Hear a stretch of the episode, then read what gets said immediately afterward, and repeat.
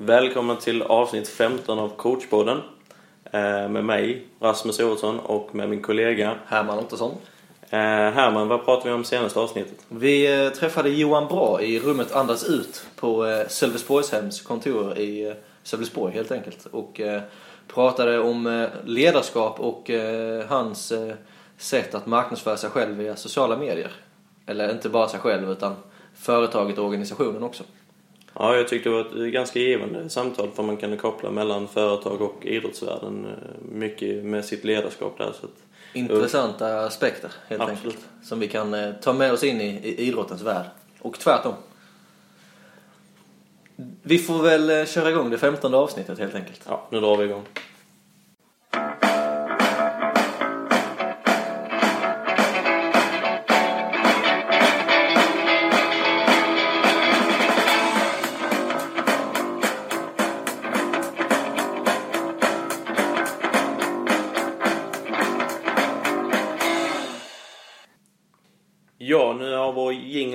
Vi ska alltså börja med avsnitt 15 i coachpodden.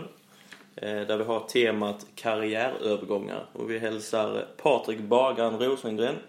Välkommen. Tack så mycket. Känns det att vara med? Ja, Det känns ju bra. Jag har hört eh, mycket om den här podden men eh, tyvärr aldrig lyssnat på den. Men nu blir man väl tvungen till det när man sitter här och ska bli intervjuad. Det är lite så vi samlar eh, lyssnare. Vi tvingar dem till att vara med, sen får de lyssna på sig själva. Ja, exakt. Eh, vi brukar köra en faktaruta här inledningsvis och eh, då kör vi rakt av ålder, 44 år. utbildning, Utbildning gymnasiet och sen jag, har jag en kandidatexamen i idrott och hälsa. fotbollstränarutbildning, Läser för närvarande advance.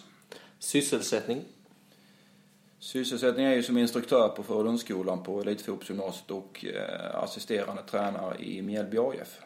Familj, Familj består av Eva och mina barn Ebba, Otto och Ines. bakgrund i fotbollen. Här vill vi ha eh, allt från eh, fem till idag. Ja, det började ju i, i Mjällby AIF och eh, slutade där också. Men däremellan så har jag väl vandrat genom eh, alla ungdomslagen i Mjällby. Den tiden när Kjell Åkesson hämtade upp oss på busstationen och körde ner oss till Hällvik och tränade och åkte hem samma väg med buss. Så Att det var en härlig tid som man minns tillbaka på. Eh, sen som sagt har jag varit med i juniorlag och U21-lag och A-lag i Mjällby. Dessförinnan en sväng till Kalmar från 2001 till 2008. Så att eh, i stort så min karriär ut så. Mm. Vad, vad, vad är den största, eller den bästa säsongen du har gjort?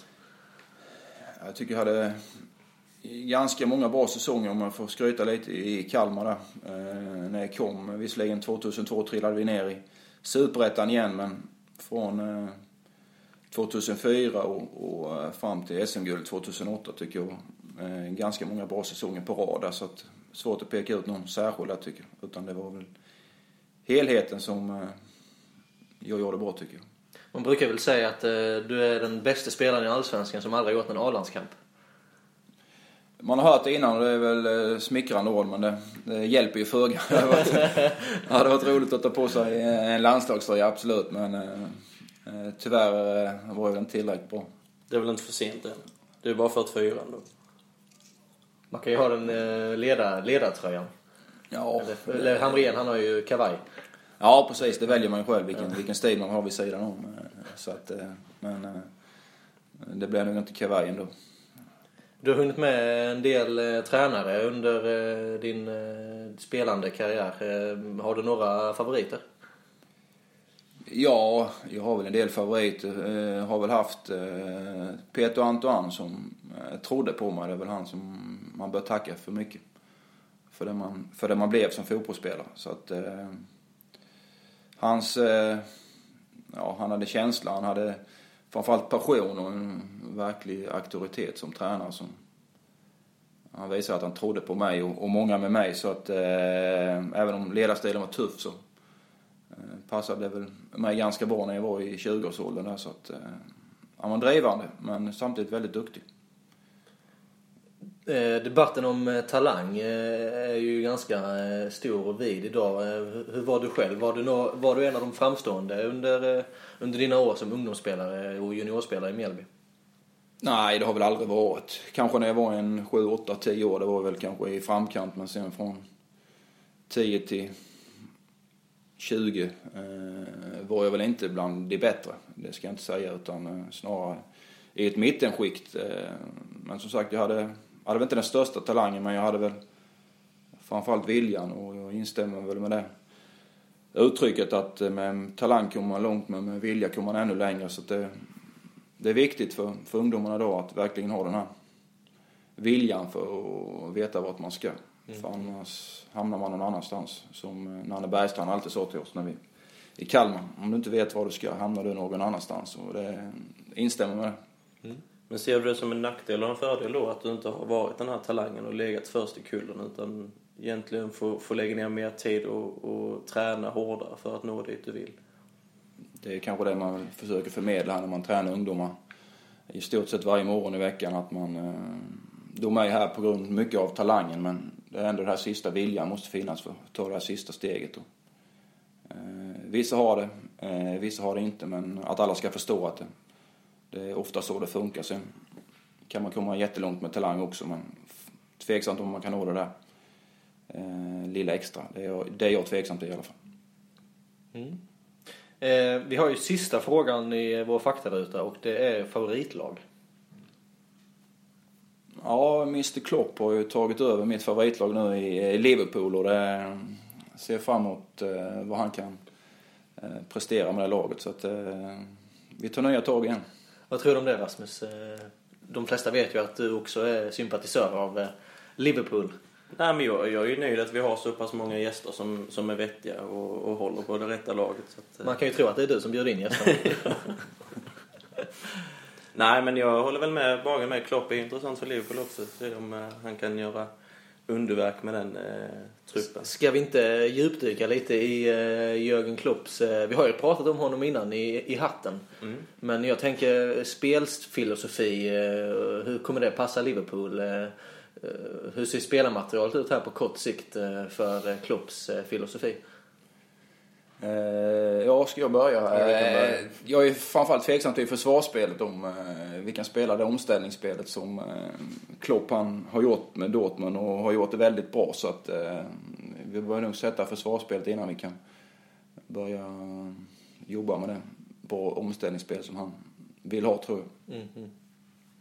Jag tror ju, alltså om man då tittar på försvarsspelet över hela banan så tror jag vi har materialet längst fram för att sätta den höga pressen.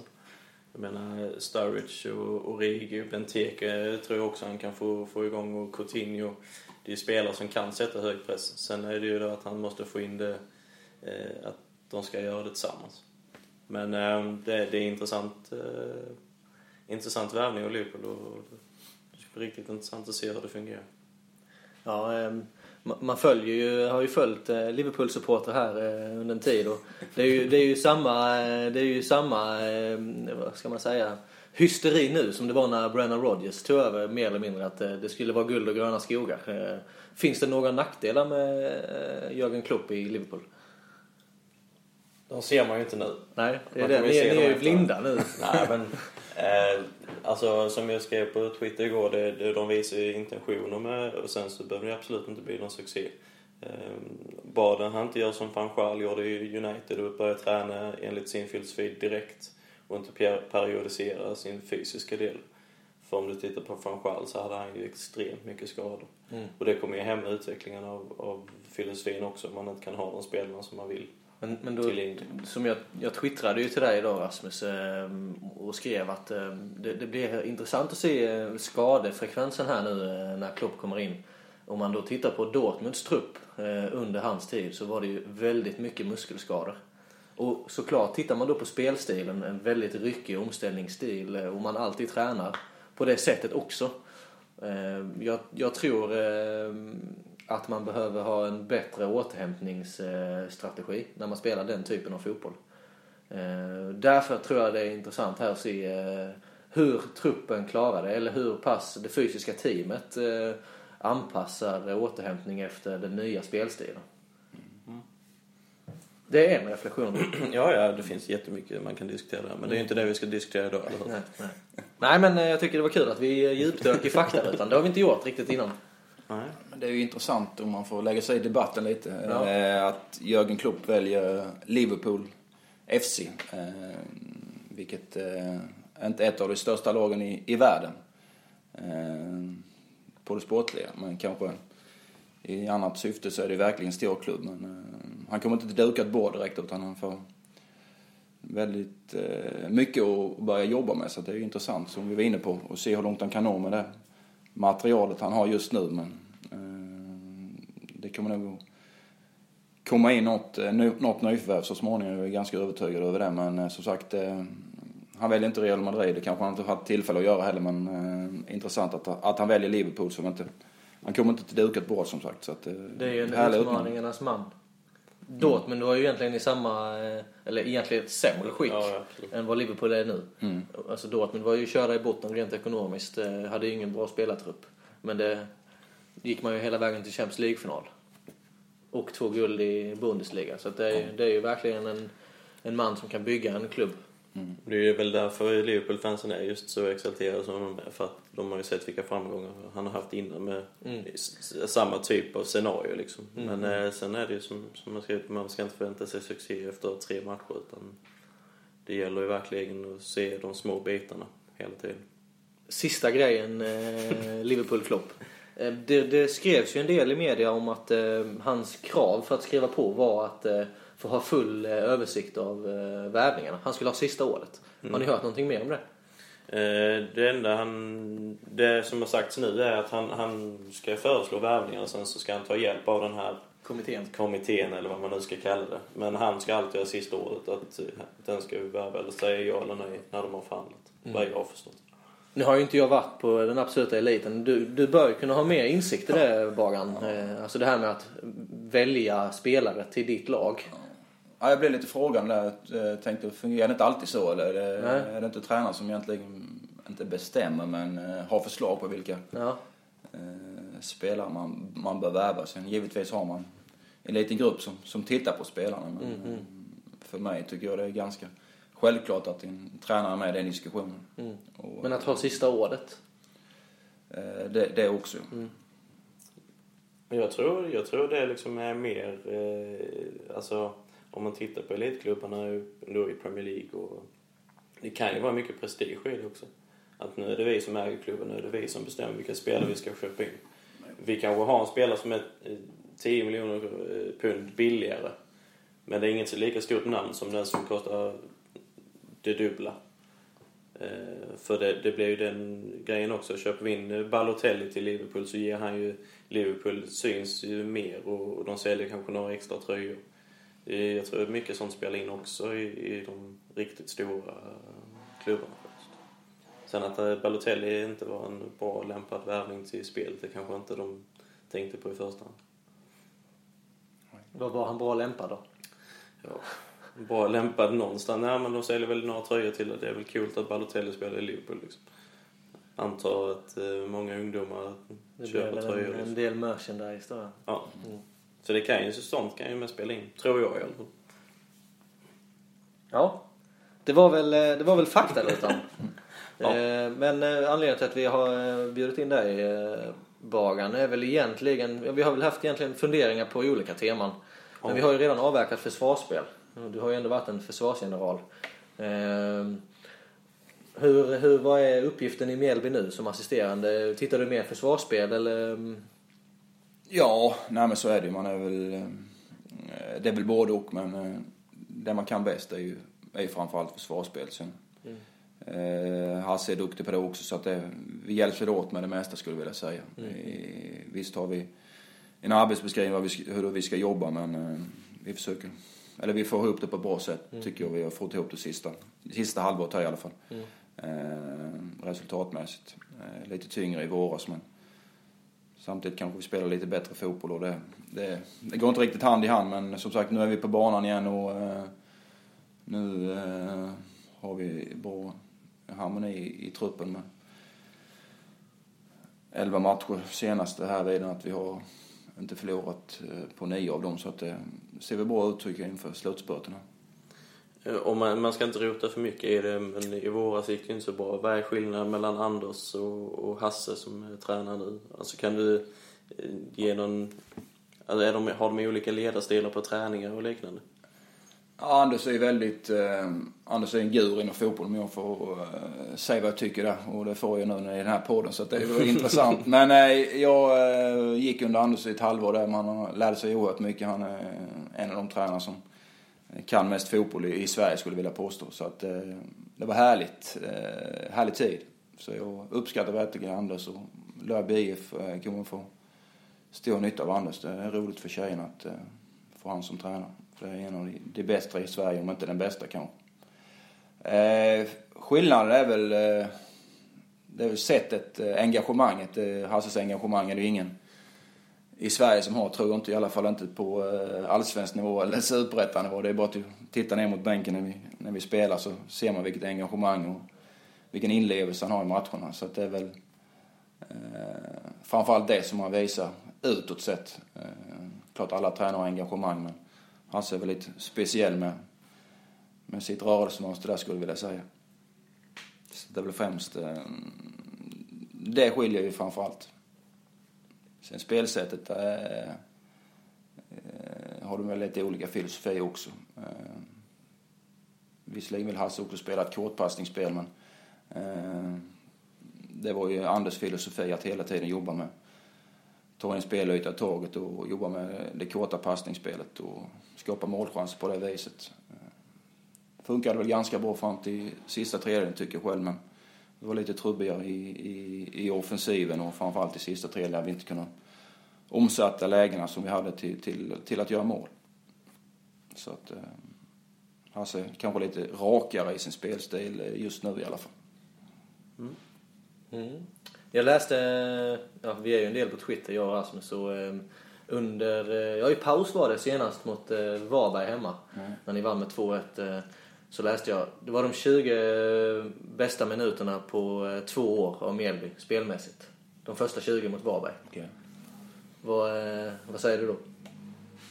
Ja, mitt minne sträcker sig inte så långt tillbaka men jag håller med att de var bra. Eh, lite mer än 20 minuter tycker jag. Eh, 35 minuter första eh, var väl inne på halvlek var, var riktigt bra. Där vi hade ett bra spel. Vi, hade, vi var helt enkelt spelbara. Vi hade bra spelbredd, speldjup och så vidare. Och skapade även mycket målchanser. Vilket vi tycker jag har gjort i stora delar av året men vi har haft svårt att omsätta dem till mål. Så att, det var många ingredienser i vårt spel som var bra. Sen har jag svårt att säga. Jag är tveksam till att det var de bästa eh, 20 minuterna på, på två år. Det, var- det var det inte. Om jag har tänkt efter lite. Så att, eh, kan inte komma på någon annan match. Men eh, jag tror vi spelat bättre. Men eh, vi får ta med oss de, framförallt första 35 som jag var inne på, eh, var bra helt enkelt. Vi, eh, vi har det bagaget med oss inför Assyriska borta nu nästa match. Och eh, nu har ni ett, ett landslagsuppehåll på hur länge?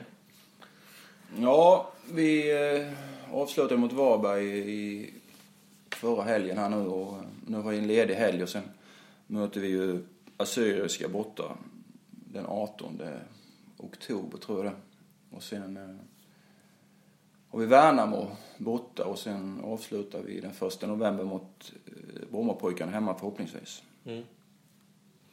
Yes. Eh, en grej innan vi går in på själva huvudämnet. Det har ju tagit 19 minuter innan vi kommer in på eh, ämnet här. Men jag, jag tänker bara, ledarstil pratar vi lite om Anders kontra Hasse. Men jag tänker metoder träningsmässigt.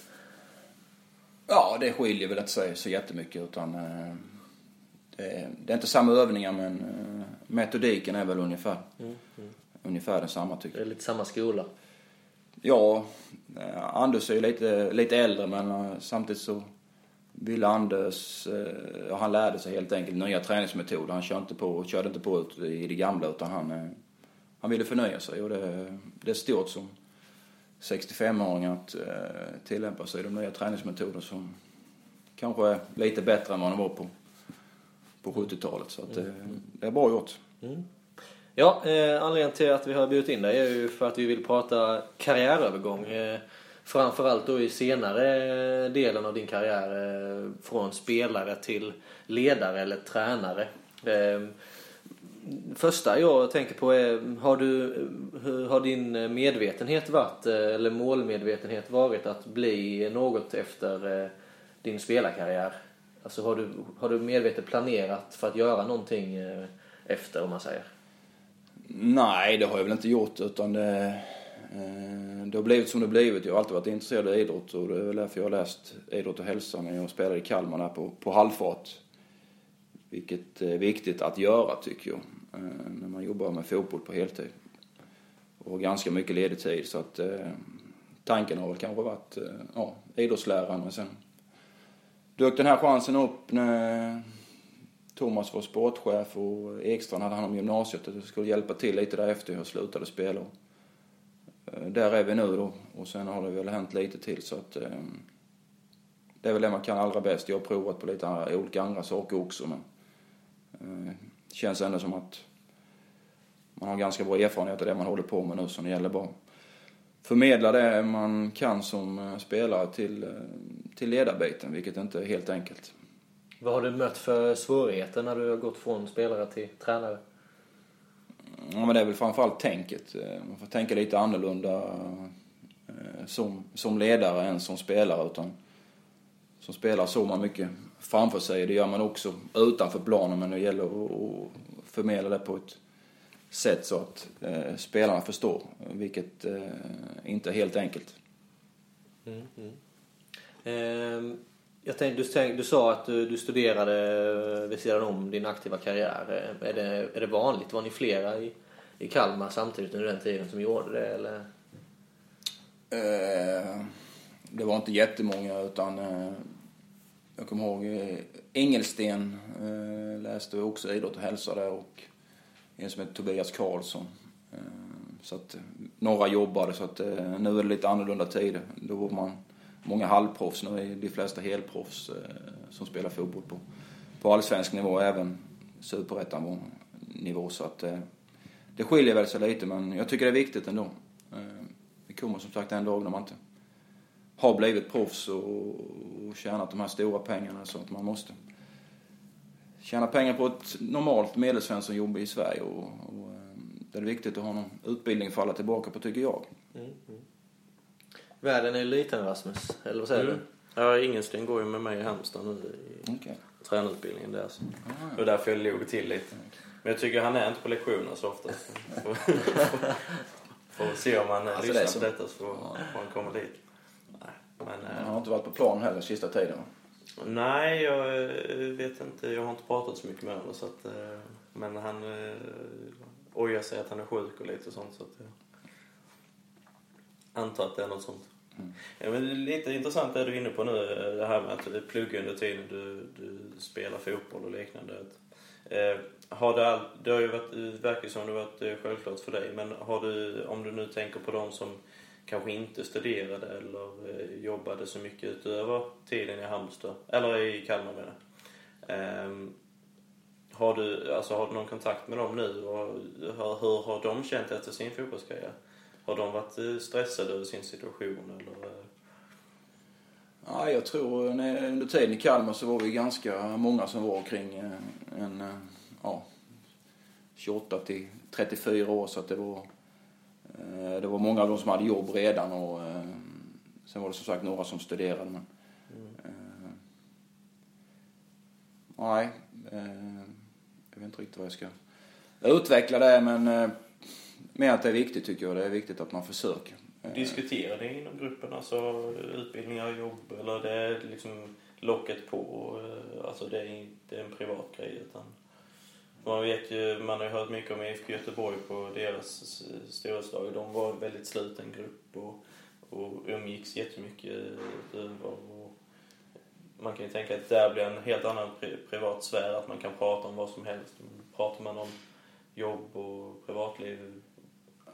som alla andra omklädningsrum så är det, det är mycket varierande samtalsämnen, så är det ju. Och eh, man tar sig lite till, till särskilda människor. Jag, eh, jag umgicks väl mest med, med, med Rydström till exempel och en som heter Lukas Nilsson kom från, kom från Djurgården så att fortfarande kontakt idag och vi har en liten härklubb där vi, som vi kallar för Lunsarna som vi, man har möjlighet att, och träffas någon gång om året så att det är gamla stofiler som Dennis Nilsson, Håkan Lindqvist, Rydström, Tobias Karlsson, Lukas Nilsson, Fredrik Gärdeman eh, ja, med flera då så att eh, Thomas Johansson eh, för att inte glömma han för han är ändå härifrån så att, så att det, är, det är trevligt. Men det är roligt med sådana människor som man, länge sedan man träffar dem, när man börjar prata med dem så känns det som att man, man lever med dem dagligen. Så att det, det, det är häftigt. För jag tycker det är intressant med, liksom, har det underlättat för dig också att faktiskt ha lite kontakt med den gamla tiden om man ska säga så? Att, att man inte släpper det helt utan man har fortfarande kontakt med vissa och känner att det var en bra tid men ja, du har, du har framtiden framför dig men du har ändå mm. kopplingar till det du har gjort innan.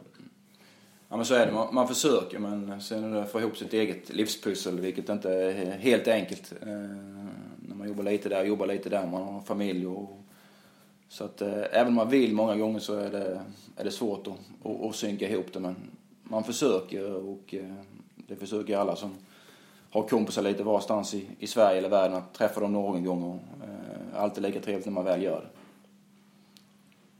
Mm. Eh, hur, eh, hur, eh, hur gick det till när du gjorde din sista säsong eh, i Mjällby och sen eh, och så fick du frågan vill du bli tränare eller hur var det? Ja, min sista säsong gjorde jag ju eh, 2012. Eh, Elfsborg, eh, sista matchen hemma där, kommer jag ihåg. Men det är klart man, man funderar vad man ska göra efter, efter fotbollen och det gjorde jag väl ganska tidigt när jag var i Kalmar där. Jag, jag trodde inte jag skulle spela tre år i Mjällby efter min, min Kalmar-tid där 2008, eller när jag flyttade tillbaka 2009 så att ett år hade jag räknat med men sen blev det lite bonusår för att jag tyckte ändå det gick ganska bra. Man kände fortfarande, man tyckte det var roligt, man kände att man tillförde laget något och eh, så att det blev ett par år till där, men jag velade ju från eh, ena år till det andra men när man väl bestämde sig så har det varit fantastiskt roligt med, med Mjällby och en sjätteplats som bäst i Allsvenskan och lilla Mjällby. Det var ju, det var ju häftigt. Eh, även om slutet var lite jobbigt för jag var lite, hade ett problem med ett knä och man kunde inte göra sig själv till rättvisa. Så att, eh, eh, tufft sista halvår men roligt också för vi klarade oss ändå kvar. Men det är klart att jag smög på vad man skulle göra efter, det har det alltid gjort. Eh, men eh, ja, sen kom den här chansen. Jag hjälpte till ett par dagar i, i veckan här på gymnasiet. Och, började jobba lite med U17 i, i Mjällby där så att, eh, ja. Och nu Gick du direkt från 17 eh, upp som assisterande eller hur, hur gick det till sen efter du hade hamnat i 17? Ja, det, jag var väl ett, ett år i, i U17 ungefär och sen eh, skulle vi hjälpa till lite med försvarsspelet eh, med A-laget då så vi var ju tre tränare där, Lasse och... Du fick åka med till Cypern där? Ja, precis. Det blev lite hastigt där. Fick åka med till Cypern. Eh, men det var ju Lasse och Jonas eh, som hade huvudansvaret där. Ja. Och eh, ja, sen fick jag åka med som ja, tredje assisterande kan man väl säga. Mm. Vilket var väldigt skoj. Mm. Har du något mål med, med vara ledare? Har du liksom ett utsatt att där vill jag, du ska ta över efter Klopp i Liverpool? Eller? Nej, jag har väl aldrig tänkt eh, att göra eh, karriär som, eh, som, som tränare utan jag tycker det är jätteroligt. Verkligen roligt att, att jobba med ungdomar här på skolan och jobba med lite äldre på, på kvällarna. Så att, jag är ingen brådska utan eh, precis som, som ni här vill jag skaffa mig lite mer erfarenhet innan jag kanske står på egna ben eller vad jag nu ska göra framöver. Utan eh, ganska färsk och eh, som sagt ingen, ingen större brådska utan försöker ta till mig lite i taget och, och göra det så bra som möjligt. Om du eh, skulle beskriva din egen eh, profil eller filosofi som ledare, vad, vad är det för, för ord eller eh, punkter du själv arbeta efter? Själv, ja. Men jag vill ha en, vill ha en struktur, en organisation eh, runt mig själv, både utanför och på planen så att eh, alla förstår vad de ska göra. Eh, dels på planen men även utanför och sen att man verkligen är disciplinerad och, och gör det man har eh, kommit överens om. Sen är det på planen eller utanför planen, det spelar ingen roll men att man jobbar efter de principerna eh, tycker jag är väldigt viktigt för organisationen, det är A och O. Eh, har man det så kan man komma väldigt långt. Eh, och det är inte, inte bara på planen utan för, utanför också. Och där har vi väl Mjällby lite kvar att jobba på kan jag tycka. Om vi nu går in på där man tillhör just nu. Så att, eh, men vi blir bättre och bättre och förhoppningsvis så kan vi få ihop helheten till de sista omgångarna här och till 2016. Jag tänker lite då eh, om du pratar organisation och att det ska vara, alltså, eh, ha eh, disciplin och liknande. Men en sån spelare, om vi nu tar en spelare som Abdu, som är en, ja han har gjort en speciell resa. Eh, Hur, hur är han att, jobba med? Alla lyssnare kanske inte vet. Lumal Abdu kom väl från, vad är det, Uganda till en division 6-förening i Skåne, precis på gränsen, Gualöv. Och sen så gick han vidare då till Mjällby. Ehm, har väldigt lite fotbollserfarenhet mer än att spela på gatorna. Har jag väl. Ja men så är det om jag får fylla i lite där Rasmus. Så, eh, han kom ju till den gruppen jag hade som U17 då. Abdu, precis som du säger, flykting från Uganda, hade varit i Sverige eh, ett halvår ungefär och dunkat in typ 40 mål för Gualöv i division 6 på, på 10 matcher eller något sånt där. Och det var väl egentligen Elvin och, eh, och Ekstrand som ville se han i vår miljö då. Så att, eh, och han kom dit och han, eh, som sagt, lite vilsen. Det är man ju klart när man är flykting och eh, har inte varit i Sverige så länge. Och, det fanns väl inget direkt spelmönster det han gjorde men han hade ju framförallt en teknik och en, en snabbhet som var fantastisk då. Och är fortfarande fantastiskt vilket vi, vilket vi ser nu så att eh, en härlig historia som bara blir bättre och bättre men han, han blir bättre och bättre. Han vet ungefär hur han ska agera nu. Han eh, tar till sig mer och mer av, av svensk och europeisk fotboll så att eh, eh absolut en blivande storspelare. Sen tänker jag liksom så här, disciplin, det, man ska ju ha det. Men eh, finns det risk att man stryper hans kreativitet då? Eller det är liksom... Eh, alltså, för om man tittar på dagens Mjällby, vad jag har sett så, så är han en av de få som bryter mönster. Precis. Alltså som inte eh, kanske spelar exakt efter eh, spelidén utan han kan liksom... Eh, finns det en risk att man nästan stryper hans kreativitet för att man vill ha ett, ett lagbygge liksom? Jag vet vad du är inne på. Och man gäller Abdo där man pratar om han och många med sådana spelare så måste man ju ha de här individuella prestationerna i en match. Och han är en spelare som verkligen kan göra dem. Du måste ju ha spelare som sticker ut lite.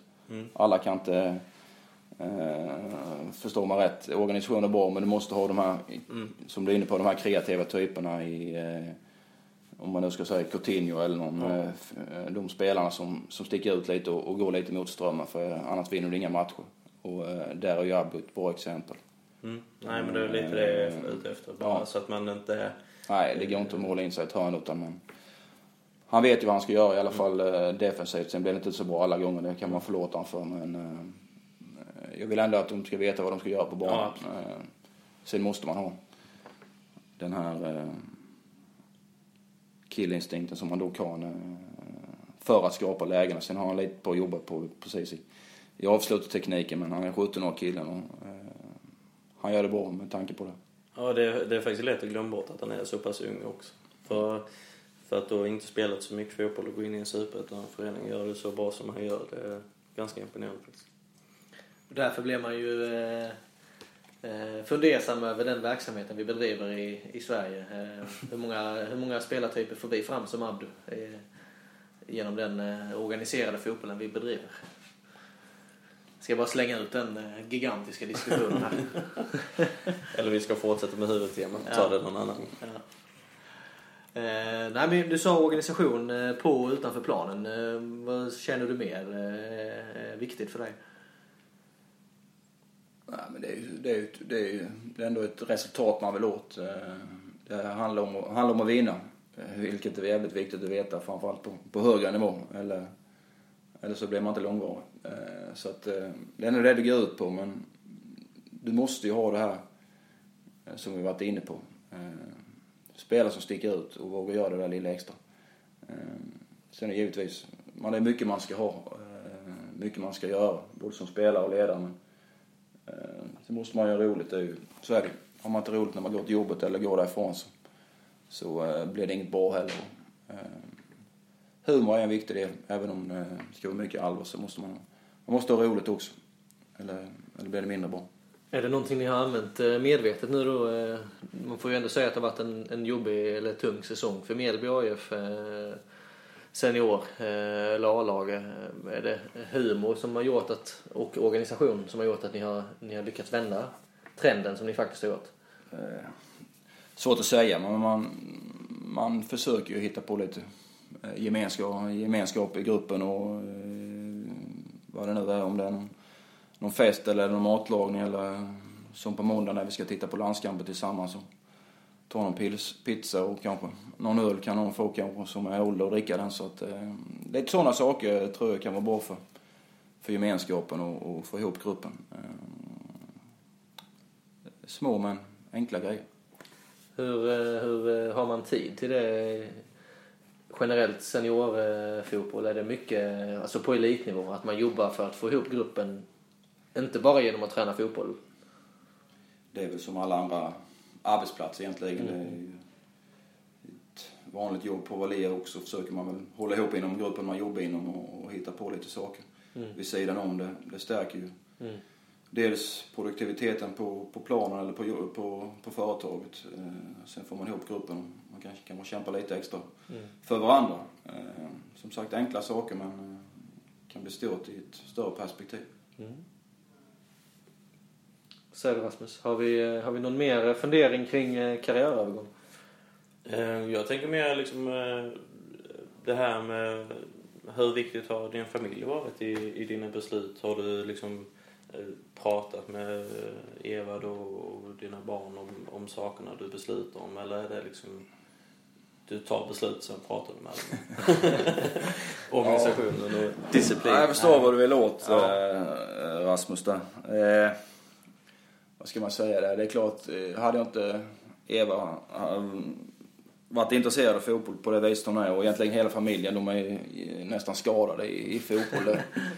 Eh, Alla mina barn har suttit på, typ på Fredrikskansen och inte alla men två av dem och, och följt eh, matcherna från läktaren. De har precis varit nyfödda så att det, eh, det är därför de har det intresset för idrott och framförallt för fotboll så att eh, det hade inte gått utom en förstående familj. Sen, sen givetvis eh, har det ändå handlat om ens jobb och, och, eh, inkomst till, familjen om man säger så. Så det är klart. Eh, hon är delaktig, har varit mycket delaktig i besluten, hela familjen egentligen. Men vissa beslut har varit tuffare än andra. Och, men jag har inte ångrat något beslut jag tagit i alla fall. Inte hittills. Ja, skönt. Får vi se. Kanske blir framöver. Men det är, det. det är många beslut man har tagit. Eh, många svåra och roliga beslut. Jag avslutar där. Ja, vi ska släppa iväg den. Du ska ju iväg och eh, besikta en buss ju. Ja, precis. 10.55 på Ja, Sölve bilbesiktning. reklam. Ja, exakt. Ja, eh, vi tackar eh, Patrik Bagaren Rosengren för att du ville vara med. Tack så mycket, vad roligt. Och eh, vi, eh, vi hörs framöver, eller hur Rasmus? Ja, vi har inget eh, närmare bestämt. Men eh, Vi tar det som det kommer. Ja, lite så får vi köra. Ja. Nej, bra. Tack för idag. Ha det gott! Tackar.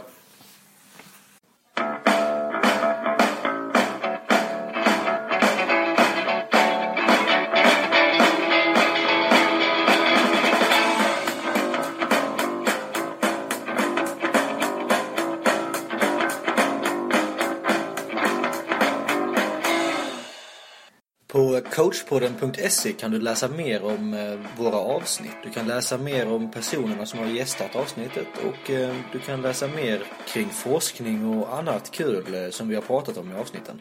Så coachpodden.se, där hittar ni all information om vår podcast.